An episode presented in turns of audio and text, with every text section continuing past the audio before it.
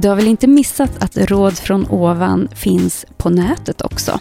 Gå in på vår sajt radfranovan.se och där kan du botanisera bland våra kurser och anmäla dig och du kan också ladda hem våra vägledda meditationer och läsa artiklar som vi har skrivit. Så missa inte det och också att följa oss på Facebook och Instagram.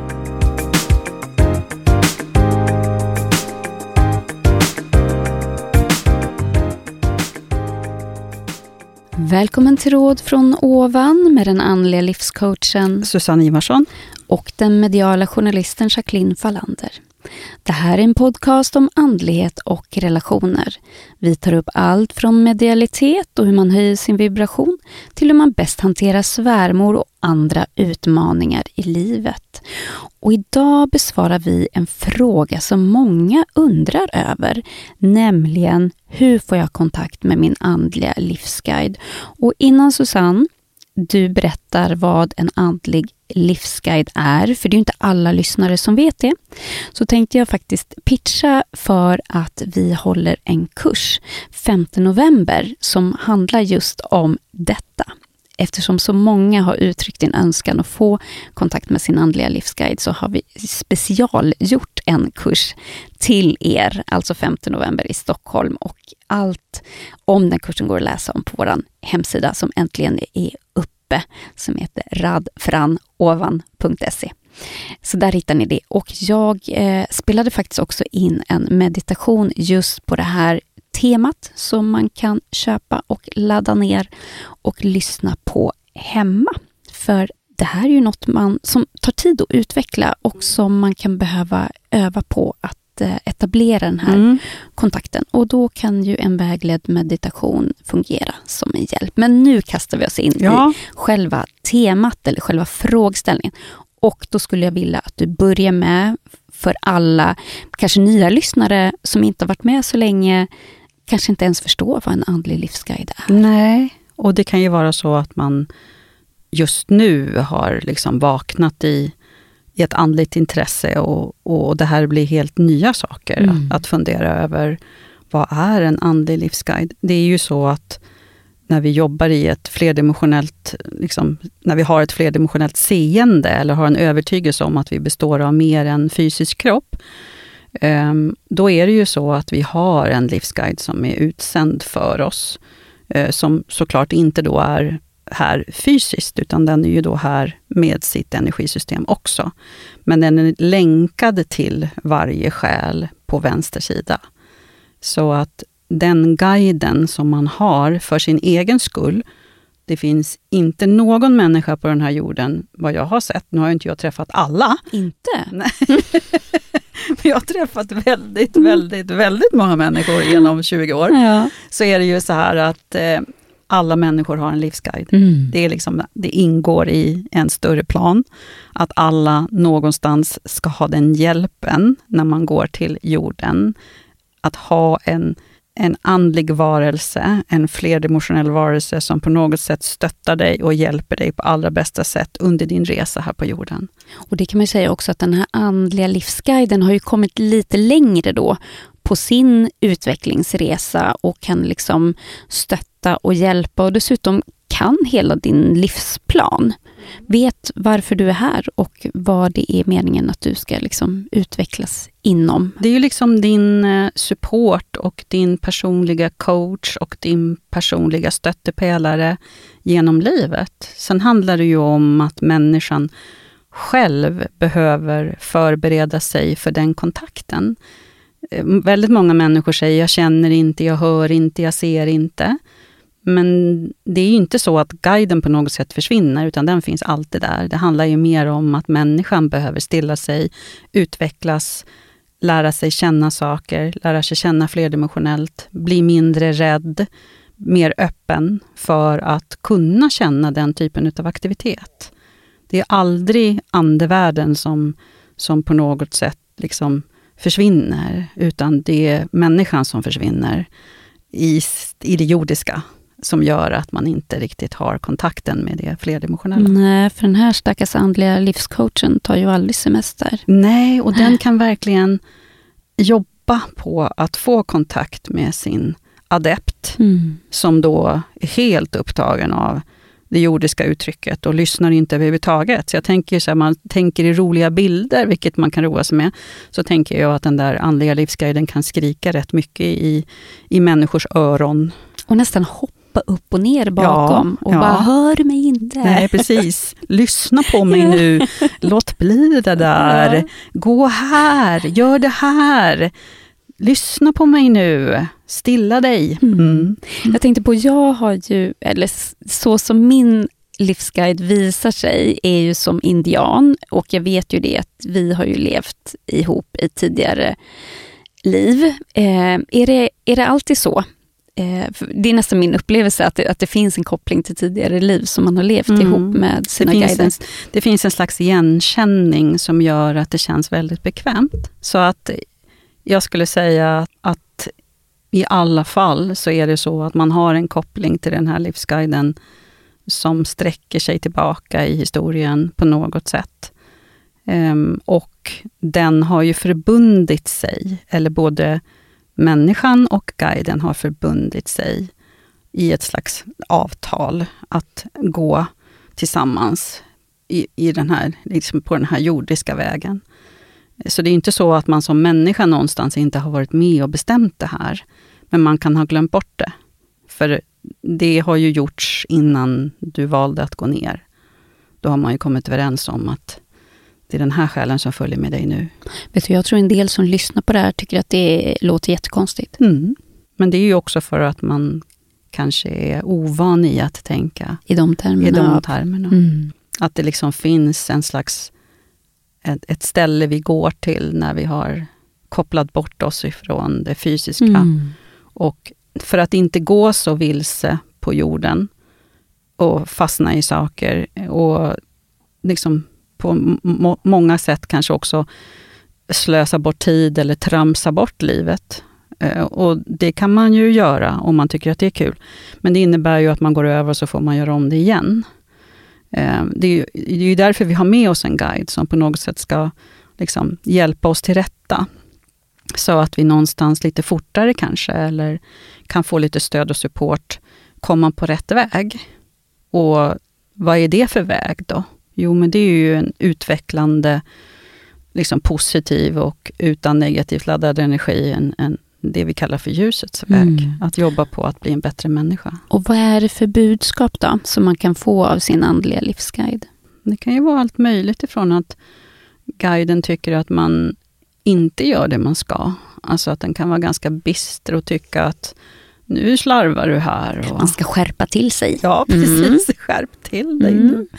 Och Ehm, att det kan vara så att den säger, men gå inte in i det där igen, du har gjort det där tio gånger nu, låt bli det där nu. Det blir ju samma, samma summa av samma händelse, samma beteende. För de, alltså en, en guide vill ju att du ska utvecklas så mycket som möjligt under din livstid, så att du någonstans ska hinna med så mycket som möjligt av det som redan är bestämt. Och det här kommer ju lägga press på människor nu, för det blir ju liksom så här, hur många människor lever på sin livsplan och lever till fullo det livet Har som de har planlagt. där? Väldigt dåligt skulle jag Mm. säga. För de flesta fastnar i det jordiska Mm. och, och glömmer bort överhuvudtaget av att de har en livsplan. Och en livsplan kan ju innehålla det du är här för att göra. Och då är vi ju inne lite grann på det vi pratade om i tidigare avsnitt. Det här med att man glömmer bort väldigt mycket på grund utav att det är så mycket förväntningar på oss som människor, att vi liksom fastnar i det. Så vi gör inte det vi är här för att göra. Och sedan kan det ju vara så att man, eh, ja, man fastnar i de, alla de omständigheterna som man tror är jorden, liksom, på något sätt. Eller det, det är det som är viktigt. Man tappar det flerdimensionella. Det är ingen människa som vandrar runt på den här jorden som, in, som liksom är endimensionell. Jag har inte sett en enda som är endimensionell. Alltså det är klart att en, en människa som vandrar runt på den här jorden har själ och en ande och kroppar. Det är bara det att de flesta människor har ingen aning om det. Nej, eftersom de inte syns. Eller ja, när man ser energi, då Mm. ser man ju att människor går omkring Ja, det finns ju en slags utstrålning som Ja. man kan se. Eh, och den utstrålningen kan ju vara av varierad art, beroende på hur människan mår. Och har man ingen koll på då att man är flerdimensionell, då har man ju tappat det perspektivet och då är det ju väldigt långt till att man också tänker att man har en livsplan. Och livsplanen handlar ju inte om att du ska känna dig dålig på något sätt, utan livsplanen är ju att du ska utvecklas så mycket som möjligt under det nuvarande livet. Det finns ju möten till exempel, som också är satta. Och då kan det ju vara så här, och det här kommer också bli jättekonfronterande, säger vi. Det är väldigt mycket som är konfronterande idag. Att man tänker så här, oh, vad håller jag på med? Eh, det innebär ju att om du har ett möte i början av ditt liv, och du stannar i det mötet, så kan det ju vara så att du tackar nej till alla andra möten för att du har fastnat i någon form av bekvämlighet eller rädsla eller vad det må vara. Och skulle du ha tackat ja eller släppt saker och, och fortsatt att gå på din väg, då hade du kanske fått nya möten och, och en annan typ av utveckling. Det här skiljer sig ju otroligt mycket ifrån alla våra romantiska värderingar av jag träffar en person i början av livet och lever lycklig alla våra dagar. Och det här, ja men vi kämpar för att hålla ihop. Och då blir man så här, varför? Mm. Alltså känner man att man är klar, då är det bara att släppa. Ja, då kämpar man ju för att man på något sätt tror att det är det rätta. Jag hör ju också klienter och träffar klienter som kämpar också med vänskapsrelationer. Det behöver ju inte bara vara romantiska relationer, Nej. utan vänskapsrelationer. Som att det är något fint, något bra och fint att behålla sina barndomskamrater till vilket pris som helst. Mm. Fast... För det kan ju vara väldigt outvecklande, tänker jag. Absolut. För det är ju lätt att man fastnar i en roll som man kanske hade när man var 10 och sen är man 50 mm. och det där passar en överhuvudtaget inte längre. Nej, och det som, är, det som är intressant att se, det är ju hur man i grupperingar till exempel, utifrån hur man har varit som grupp när man var då kanske tonåring eller ännu tidigare. Hur man som vuxen kliver in i de mönsterna som man hade när man var tonåring, fast man kanske har utvecklats nog så mycket. Men det är som att man kliver in i de här rollerna igen och känner igen varandra för det man var då. Och det är ju jättemärkligt hur den gruppdynamiken blir. Eh, och kan kännas väldigt konstigt.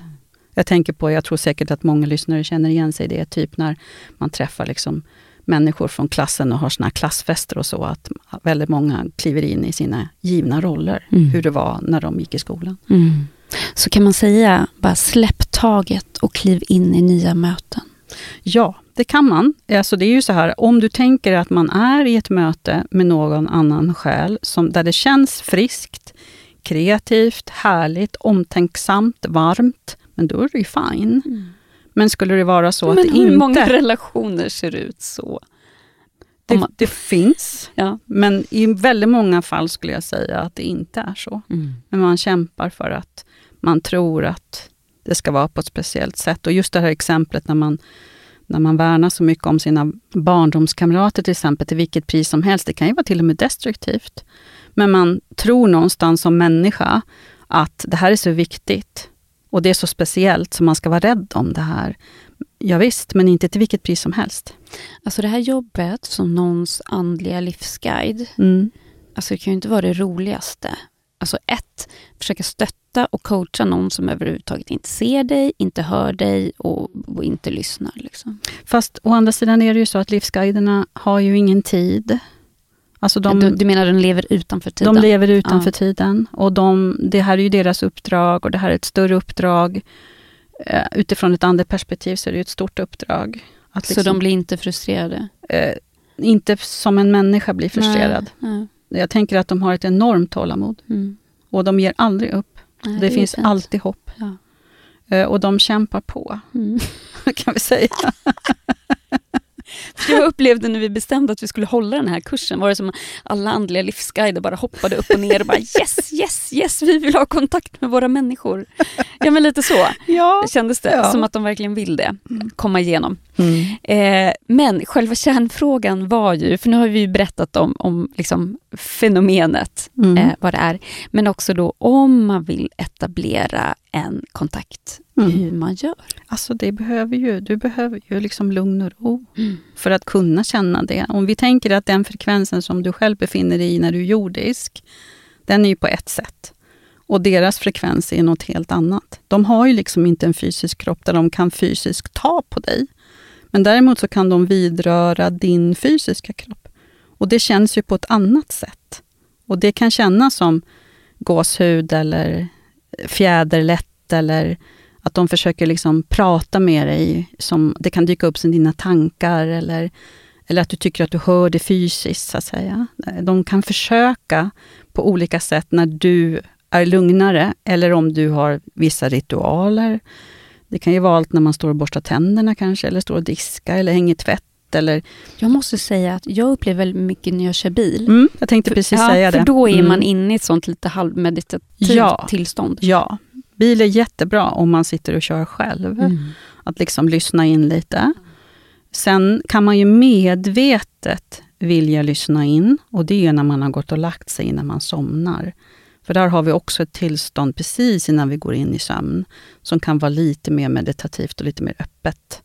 Där kan man också pröva och se om man kan få lite kontakt. Mm. Så och, får man bara lite gåshud, då vet man ju att det finns någonting där som vidrör en. Mm. Mm. Och vi kanske ska förklara då också att den här andliga livsguiden inte är ens farmor eller någon, för, för det är ju många som, som tror att det är någon äldre släkting som de kan ju finnas där också, mm. men, men det är inte de som utgör den här Nej, de är aldrig livsguider. Nej. Däremot så kan de komma på besök och man kanske kan tolka det som guider.